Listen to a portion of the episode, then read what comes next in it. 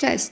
W tym podcaście wysłuchacie rozmów z absolwentami Uniwersytetu Zielonogórskiego, którzy opowiedzą Wam o nauce na naszej uczelni, ale także o wszystkich swoich umiejętnościach, które z pozoru wydają się całkiem różne, a mimo to łączą się w jedną spójną całość i jeden wielki sukces. Nazywam się Daria Legieta, jestem absolwentką Dziennikarstwa i Komunikacji Społecznej i zapraszam Was do wysłuchania kolejnego odcinka.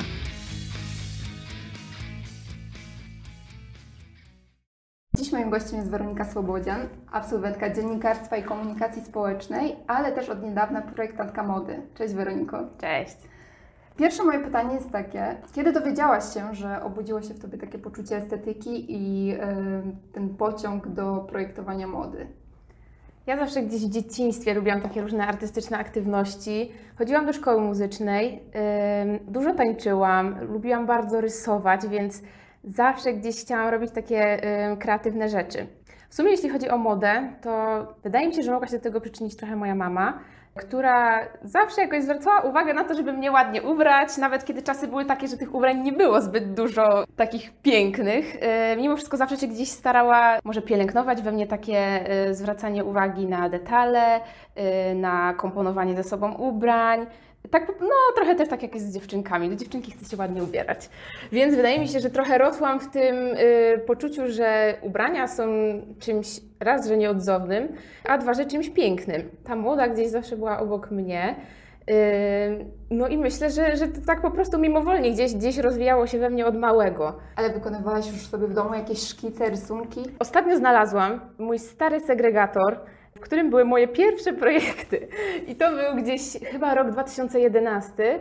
I, no, takie ołówkiem szkicowane, nawet bez koloru, jeszcze nadawałam nawet własne nazwy im, więc to było strasznie zabawne. Więc faktycznie rysowałam coś. Też moja mama znała jedną projektantkę, więc gdzieś tam kiedyś udało mi się zdobyć od niej książkę jak szkicować y, człowieka, jak szkicować modę, więc też y, były jakieś pierwsze podrygi do y, rysowania już w dzieciństwie. Później, y, gdy poszłam do y, szkoły średniej, już trochę jednak zapomniałam o tym, y, trochę rozszerzenia, takie mm, parcie na studia, trochę mi rozmyły tą wizję projektowania, ale wróciła po maturze. Tak więc natłok tych obowiązków, też myślenie innymi kategoriami, które narzuca nam szkoła średnia, sprawiły, że trochę zapomniałam o tym, co kiedyś chciałam, co, co kiedyś zawsze mi się podobało, o czym mówiłam, bo ja yy, otwarcie, jak, jak byłam w szkole podstawowej, to mówiłam o tym, że ja to w przyszłości chciałam być projektantką mody. Czyli Twoi rodzice byli na to przygotowani? Tak, w pewnym sensie tak. Yy, oni też wiedzieli, że ja, że ja mam takie pomysły, jak takie niekonwencjonalne zawody. No ale myślę, że, że też jak ja o tym nie mówiłam w liceum, tak oni też o tym nie myśleli. Dopiero to wróciło w momencie, w którym nie dostałam się na wymarzony kierunek i zaczęłam myśleć o tym, co faktycznie mnie interesuje, y, gdzie faktycznie widziałabym siebie za te 10-20 lat. No i wtedy z powrotem wróciła ta myśl o projektowaniu. I wtedy właśnie wybrałam dziennikarstwo, z racji, że bardzo lubię pisać i, i zawsze pisałam. I to zamiłowanie do mody. Kiedy poinformowałaś swoich rodziców o tym, że chcesz studiować projektowanie mody, ten fashion design, to wspierali Cię? Jak Twoi rodzice na to zareagowali? Mm, moi rodzice y, to są tacy rodzice, którzy, którzy wspierają dziecko we wszystkim, co ono nie wymyśli, y, jeśli będzie dzięki temu szczęśliwy. Więc w momencie, w którym y, zdecydowałam się na dziennikarstwo na UZ i powiedziałam, że ja to chciałabym robić coś więcej, może zaocznie, z racji, że mieli taką możliwość finansową, żebym jeszcze uczyła się zaocznie, to zgodzili się, przyjęli to z ogromnym entuzjazmem i wspierali mnie na całej drodze. I nie ukrywam, że kończenie studiów projektowania naprawdę wymaga nakładów finansowych, bo to jest kupowanie materiałów, to są dojazdy, to są noclegi, więc myślę, że gdyby nie rodzice i ich wsparcie, no to nie byłoby takie proste. A co na to Twoi znajomi i może nauczyciele z liceum? Yy, nauczyciele z liceum chyba nie rozmawiali ze mną jakoś na ten temat, ale znajomi byli raczej w szoku, no bo właśnie, kto z naszych znajomych wybiera jakieś takie artystyczne kierunki tak. Y, na, w ogóle na uczelniach, nie tych takich najbardziej popularnych, bo szkoła, w której się uczyłam, była bardzo małą szkołą y, która mieściła się w kamienicy. Nie był to, nie była to, nie był to wielki uniwersytet, więc ani nie szłam do szkoły, którą moi znajomi kojarzyli, ani nie szłam na kierunek, który kiedykolwiek przyszedł im przez myśl. Jednak widziałam, że, że są ciekawi, że, że, że podoba im się to, że ktoś znajomy robi coś innego, można go tam gdzieś podpatrzeć i, i zobaczyć, co robi ciekawego. Ale skąd pomysł, żeby połączyć oba kierunki? Na początku tłumaczyłam sobie wybór dziennikarstwa i kierunku związanego z modą tym, że zawsze mogę pisać w magazynach modowych, gdzieś tam pojawiać się w, w redakcjach y, związanych z branżą modową. Później w sumie troszkę ta koncepcja mi się rozwiała, bo stwierdziłam, że chyba jednak nie pisząc, ale tworząc. Yy, ubrania byłabym szczęśliwsza, ale faktycznie na początku myślałam o tym, o, o perspektywie pracy w, w gazecie yy, modowej. E, wspominałaś też o tym, że mm, miałaś dużo zajęć dodatkowych, poza nauką oczywiście. E, chodziłaś na tańce, byłaś też w grupie e, cheerleaderek. I zastanawia mnie tak naprawdę, ile daje dobra organizacja w tym wszystkim. W pierwszej klasie szkoły podstawowej ja już poszłam do szkoły muzycznej, więc dla mnie to było w trzy dni w tygodniu, po południu jeżdżenie na kilka godzin zajęć. I to zajęć nie tylko y, z instrumentu, y, tylko zajęć też teoretycznych, czyli to było trochę jakby siedzenie na jeszcze większej ilości lekcji w ciągu dnia. I już wtedy musiałam, jako no, 8-7-latka, już wtedy musiałam sobie umieć poukładać obowiązki, żeby się ze wszystkim wyrobić. I w pewnym sensie w podstawówce przyzwyczaiłam się do tego, że zawsze miałam coś jeszcze oprócz szkoły i uważam właśnie, że to, że, że miałam więcej obowiązków, kształtowało moją chęć do robienia jeszcze więcej później. Więc uważam, że y, zajęcia dodatkowe, oprócz tego, że oczywiście dają ogromną satysfakcję, y, że są takim odejściem od powiedzmy nudy w szkole są po prostu czymś, co bardziej czuję, to jeszcze do tego y, faktycznie wpływają na to, że jest się później bardziej zorganizowanym i też chętnym na różne nowe y, aktywności. Na studiach podjęłaś się też w międzyczasie pracy w Modivo jako asystentka stylistki. Opowiedz, na czym ta praca Twoja polegała? Praca asystentki stylistki to w ogóle była moja praca marzeń w trakcie studiów. Do dziś tęsknię i wspominam e, te czasy, kiedy tam pracowałam.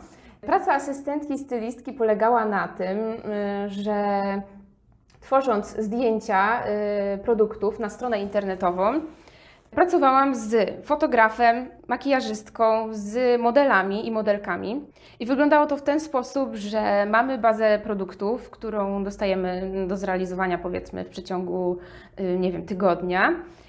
Y, dostajemy konkretne marki jako zespół, bo pracowaliśmy z zespołami stylistka, asystentki, fotograf.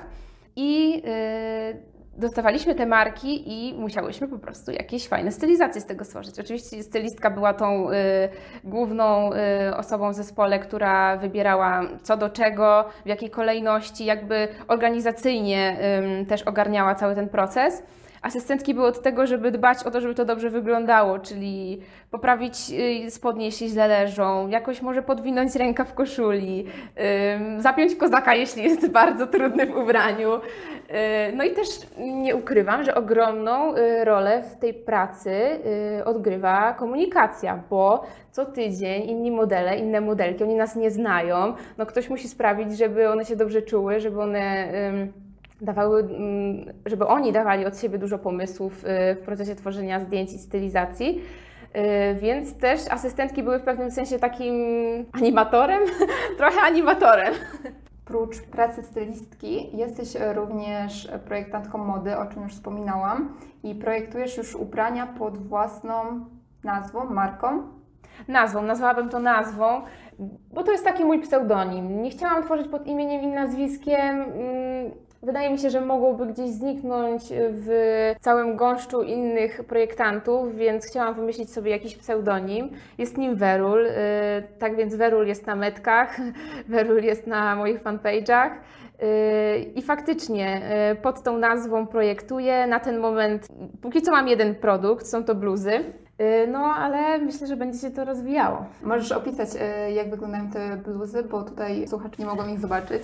Bluzy Werul, które aktualnie tworzę. Y, są to bluzy welurowe, Są to bluzy dwustronne. Jedna strona y, ma jeden kolor, y, albo zielony, taki szmaragdowy, albo czarny, albo y, jasno-różowy. Druga strona jest z kolei dresowa, szara lub siwa.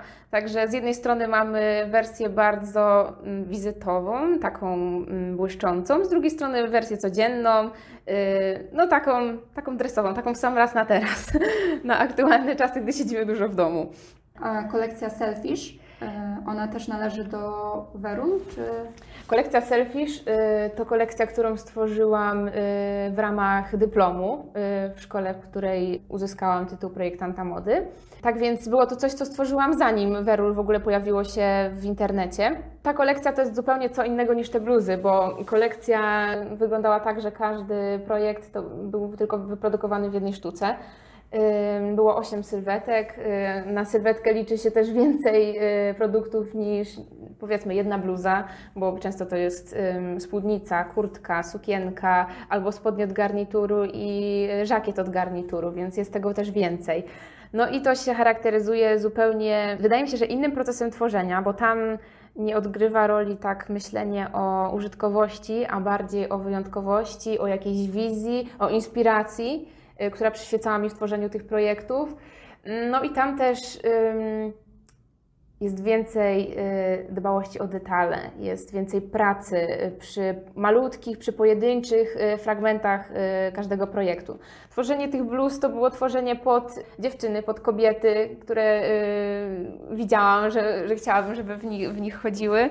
Więc na zupełnie inne rzeczy zwraca się uwagę przy projektowaniu kolekcji, która ma w pewnym sensie obronić mojego tytułu, a przy projektowaniu bluz, które po prostu mają służyć. A czym się inspirowałaś tworząc tę kolekcję? Kolekcja Selfish to jest kolekcja inspirowana syrenami, ale nie takimi syrenami, jak kojarzymy z bajek czy z serialu H2O.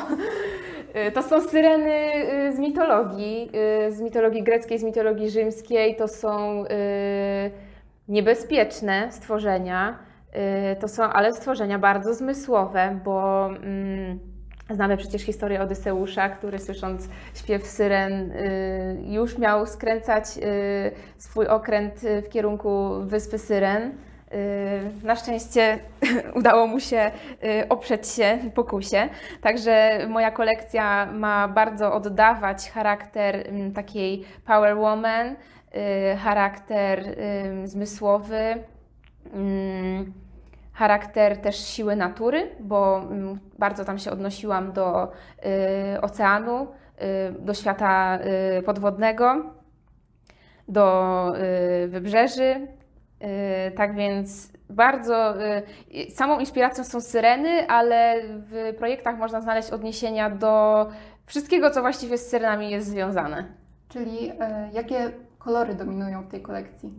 Dominują przede wszystkim kolory morza, czyli są błękity, są y, szmaragdy.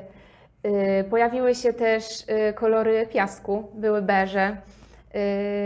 Pojawiły się Pojawiło się też dużo połysku i ten połysk pojawił się zarówno na, akurat na kolorze i srebrnym i różowym, dlatego że mi gdzieś tafla wody i ta taka magia, która nam się kojarzy z syrenami, kojarzyła się właśnie z blaskiem, więc wybierałam też dużo materiałów, które, które wyglądały na przykład jak mokre, które zdawały się być bardzo takie magiczne. E, jeden z Twoich projektów e, ukazał się tak naprawdę w tegorocznej, no można powiedzieć, że w tegorocznej edycji Top Model. Tak. Opowiedz w ogóle, jak do tego doszło. Jaka była Twoja reakcja? Doszło do tego w ten sposób, że gdzieś tam jestem aktywna na y, forach, y, akurat na Facebooku dla projektantów, dla młodych projektantów. Y, I tam widziałam post, w którym jedna stylistka z Top Model szukała po prostu osób chętnych na udostępnienie swoich projektów do programu. No ja, jak w ogóle widziałam, że jest taka możliwość, żeby wziąć kogoś, kto jest zupełnie nieznany, czyli mnie, wziąć moje rzeczy do programu, to w ogóle bez wahania się tam zgłosiłam.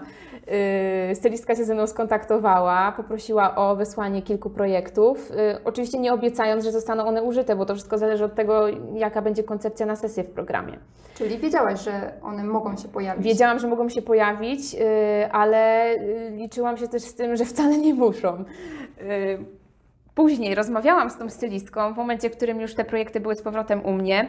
Y, no i ona nie, nie potrafiła mi zagwarantować, y, czy którykolwiek z projektów się pojawił. Y, mówi, że nie pamięta, że też tego było tak dużo, że to trudno zapamiętać, co, którego projektanta projekt został akurat użyty.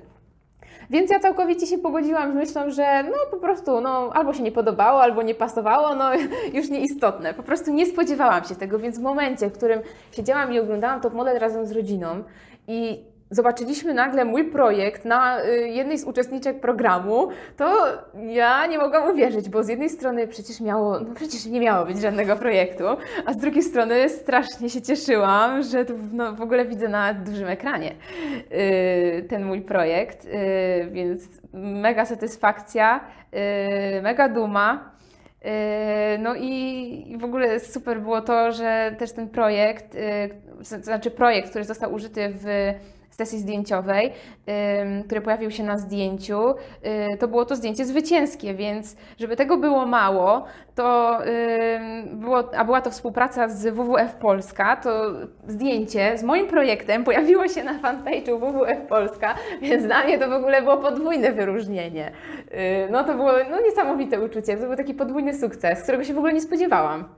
Czy to wystąpienie w top model Twojego projektu tak naprawdę wspomogło jakoś w rozreklamowaniu Werul? Yy, zaczęłam udostępniać yy, oczywiście na stories, yy, wrzucać zdjęcia na fanpage tego, że pojawiłam się w tym top model i faktycznie zauważyłam, że więcej osób się tym zainteresowało. No wiadomo, no jakieś sukcesy zawsze przyciągają fanów, obserwatorów czy po prostu klientów. Więc y, faktycznie też uważam, że, to, że y, to pokazało, że to nie jest tak, że ja tylko skończyłam jakąś szkołę projektowania i, i tyle, i jestem sobie projektantką. Y, tylko pokazało, że faktycznie ktoś gdzieś dalej docenił moją wizję, y, więc myślę, że też to, to, to naprawdę pokazało innym, że, że może warto zwrócić uwagę też na, na, na to, co robię. Żyjemy w czasach, w których bycie kreatywnym, kreatywność to tak naprawdę bardzo ważna, bardzo istotna zaleta. I jak myślisz, dlaczego? Dlaczego tak jest? Wydaje mi się, że w, w pracy coraz częściej y, ludzie w cudzysłowie męczą się ze sobą.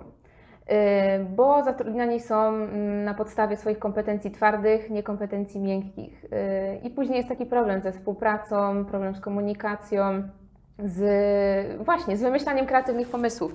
Więc myślę, że takie, takie cechy jak kreatywność są nie dość, że pożądane w każdej, y, dosłownie w każdej dziedzinie, to y, po prostu ułatwiają życie i po prostu chyba z biegiem lat coraz bardziej w świecie zauważamy, że jest to potrzebne i dlatego to ma coraz większą wagę.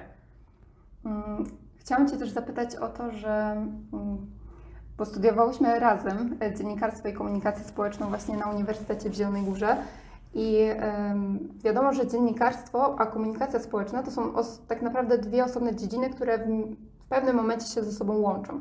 I e, o tyle Wiadomo, po dziennikarstwie można zostać dziennikarzem, można zostać, to nie wiem, właśnie tak jak ja, e, pracować w biurze promocji, ale e, tak naprawdę komunikacja społeczna to jest e, kierunek, który otwiera nas na więcej zawodów. Tak, to prawda. W ogóle ja uważam, że studia, studia z dziennikarstwa i komunikacji społecznej to są studia, które przygotowują w ogóle do wszystkiego. Y, ja nie szłam z przekonaniem na te studia, że ja będę dziennikarką, bo ja jakoś y, aż tak o tym nie marzyłam. Ja po prostu lubiłam pisać, ja lubiłam rozmawiać, y, lubiłam, też kusiły mnie trochę media. Y, ale to bardziej telewizja, tak mi się wydaje. Więc ja nie szłam z przekonaniem, że będę dziennikarką, ale y, szłam z przekonaniem, że na dziennikarstwie można zdobyć takie mm, fajne umiejętności. I w ogóle, jakby ktoś mnie zapytał, czy polecam dziennikarstwo, czy warto iść na dziennikarstwo, to zawsze mówię, że tak, bo tak jak mówisz, y, oprócz dziennikarstwa jest ta komunikacja społeczna. Komunikacja społeczna jest teraz potrzebna wszędzie. Yy, więc jak ktoś nie wie, na jakie studia pójść, to uważam, że tutaj nauczy się i przygotuje do, do pracy z ludźmi po prostu w każdej branży. Są wykładowcy, których szczególnie zapamiętasz? Zdecydowanie są.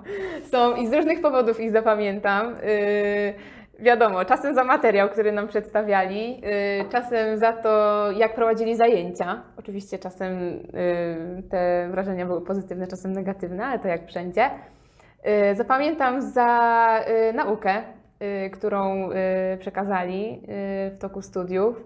I czasem, jak popełniam jakieś błędy, na przykład, albo się nad czymś zastanawiam, to przychodzą mi na myśl y, wykładowcy i myślę sobie, co oni by powiedzieli, albo czego oni mnie wtedy uczyli, więc no, wspominam ich gdzieś. I, i też na UZ w ogóle jest taka fajna atmosfera tego, że mm, grupy na studiach są małe, więc wykładowcy nas znają. My też y, jesteśmy, wydaje mi się, że jesteśmy bardziej swobodni w y, komunikacji z nimi, więc wykładowcy nie byli tylko jakimiś tam odległymi od nas osobami na studiach, tylko jednak byli gdzieś tam z nami, trochę nas znali, interesowali się, więc jasne, myślę, że zwłaszcza u absolwentów y, Uniwersytetu Zielonogórskiego wykładowcy gdzieś tam zawsze pozostają w pamięci.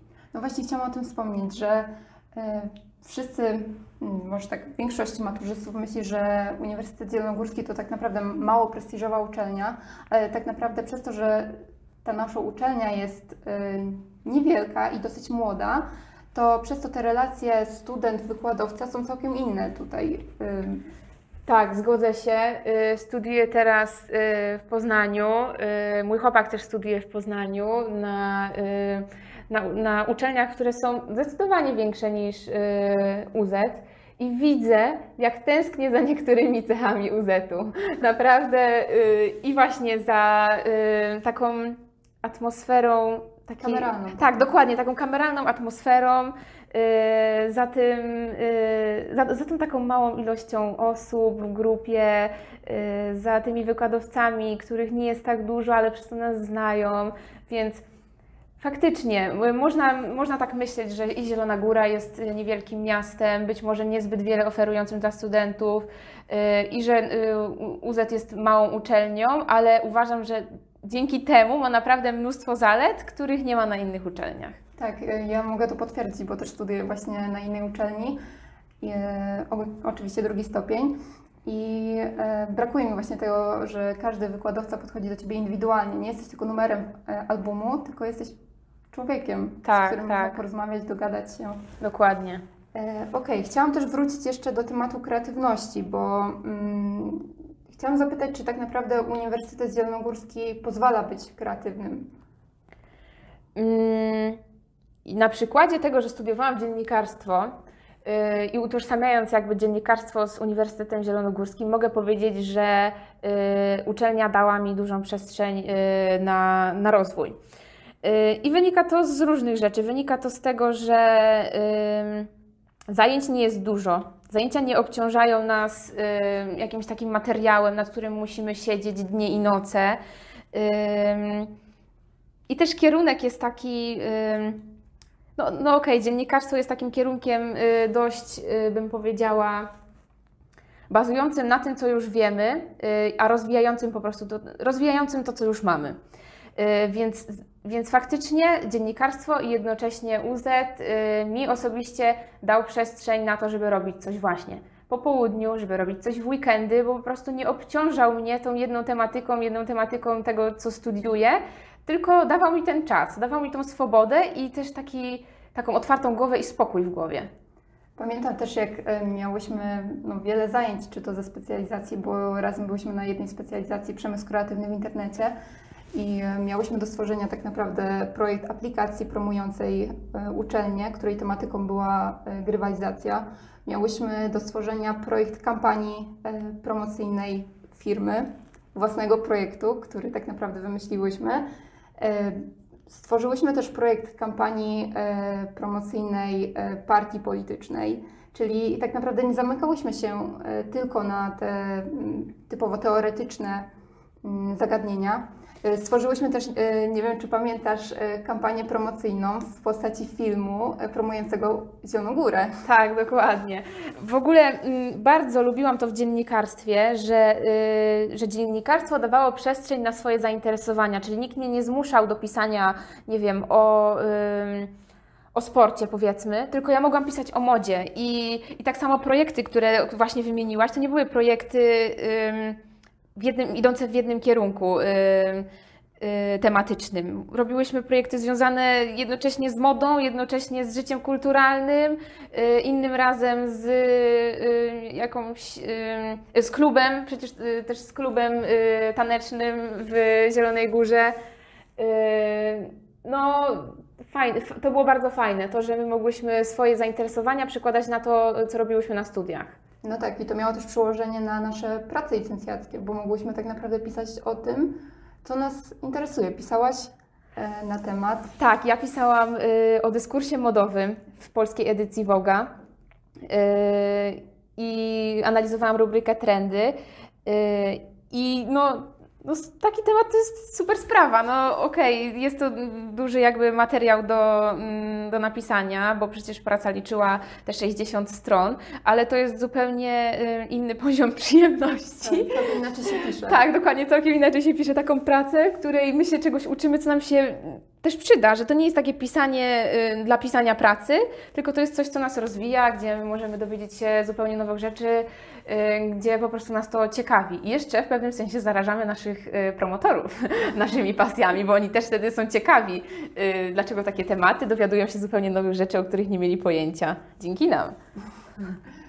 Chciałam Cię zapytać, czy czasy, w których żyjemy obecnie, czy one tak naprawdę wnoszą coś jeszcze do mody? Czy to nie jest tak, że obecnie wszystkie trendy, które się pojawiają, to są powtarzane z poprzednich lat? Jak myślisz, czy nasza epoka czymś się wyróżnia? Mm, powiedziałabym, że nie.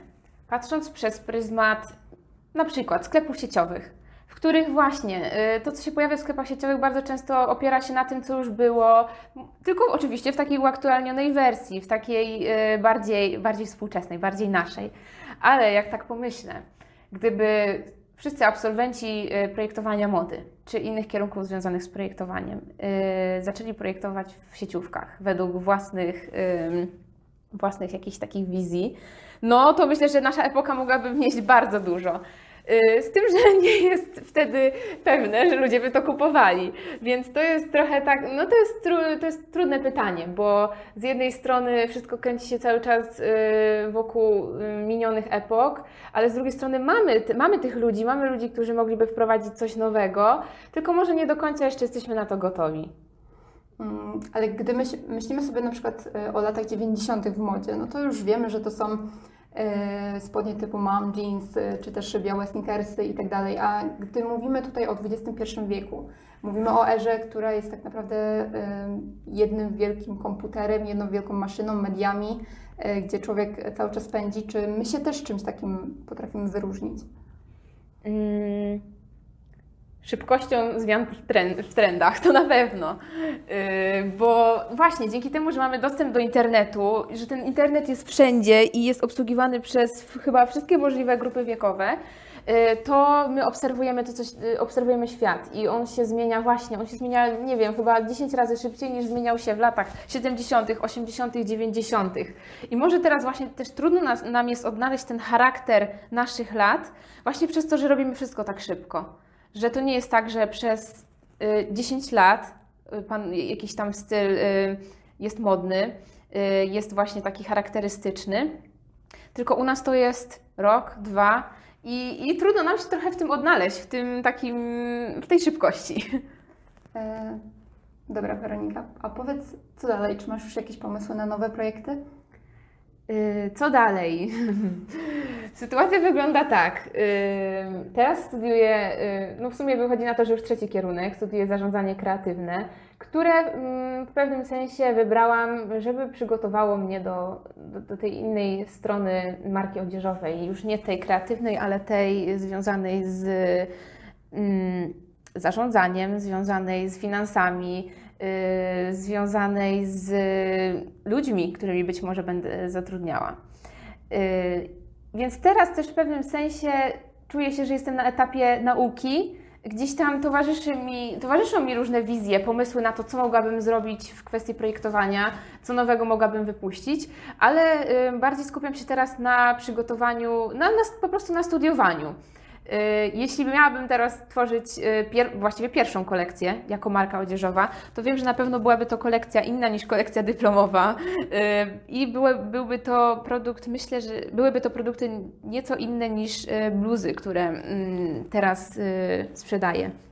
Bo jeśli chciałabym tworzyć kolekcję już pod swoją marką, kolekcję, która na pewno byłaby stworzona w licznych, y, w licznych sztukach, to y, musiałyby być to produkty bardziej, no po pierwsze tańsze, y, czyli też może z materiałów, no bluzy, które, które teraz tworzę, to są bluzy oparte na drogim materiale z Włoch, to, to jest skomplikowana konstrukcja, to jest skomplikowany proces szycia dla krawcowej, więc też ta wartość bluzy Y, i koszty produkcji wzrastają. Wiem, że gdybym tworzyła kolekcję mm, już taką dla wszystkich, y, taką y, liczną, to musiałabym zwrócić uwagę na to, żeby to było bardziej dostępne dla każdego i bardziej. No właśnie, może nie tyle kierując się jedynie własną wizją, ale też uwzględniając po prostu potrzeby, to jakie mamy czasy, a na przykład aktualne czasy y, pokazują, że bardzo potrzebujemy dresów, y, więc uwzględniając to, co się dzieje, y, uwzględniając to, czego ludzie potrzebują, na pewno, na pewno byłaby to inna kolekcja, ale to jakby to nie jest jeszcze temat na teraz, bo czuję właśnie, że muszę jeszcze w paru rzeczach się po prostu podszkolić. No i w tym czasie na pewno też nabrać większej może świadomości, większego doświadczenia i takiej pewności w tym, żeby ruszyć z czymś dużym. E, dobrze, czego Ci w takim razie życzyć? Mm, myślę, że na pewno powrotu do jakiejś normalności, bo nie ukrywam, że miałam duże plany na, na, ten, na poprzedni rok, na ten rok, y, żeby chodzić, y, żeby zdecydować się na praktyki, żeby uczyć się konstrukcji i szycia więcej, pod okiem oczywiście specjalistów. No, sytuacja pandemiczna troszkę mi to utrudniła, bo na ten moment uczę się zdalnie, jestem w domu, wiele czasu spędzam przed laptopem po prostu na zajęciach online, więc nie jestem tam, gdzie chciałam być yy, i, i, czekam po prostu na ten moment, kiedy będę mogła wrócić w wir, w wir zbyt dużej ilości zajęć dodatkowych, który po prostu zawsze daje mi gdzieś tam kopa i, i jestem po prostu wtedy zmotywowana do działania. To poza tą normalnością życzę Ci yy, dużo sukcesów i więcej zleceń, więcej mm, pracy, bo mam wrażenie, że im więcej pracujesz, tym jesteś szczęśliwsza, bardziej zorganizowana i. E, tak, zgadzam się, zgadzam się. Tego Ci życzę właśnie. Dziękuję Ci bardzo za rozmowę. Dziękuję Ci, że, cię, że do mnie przyszłaś. No i tyle. Ja również bardzo dziękuję. Okay.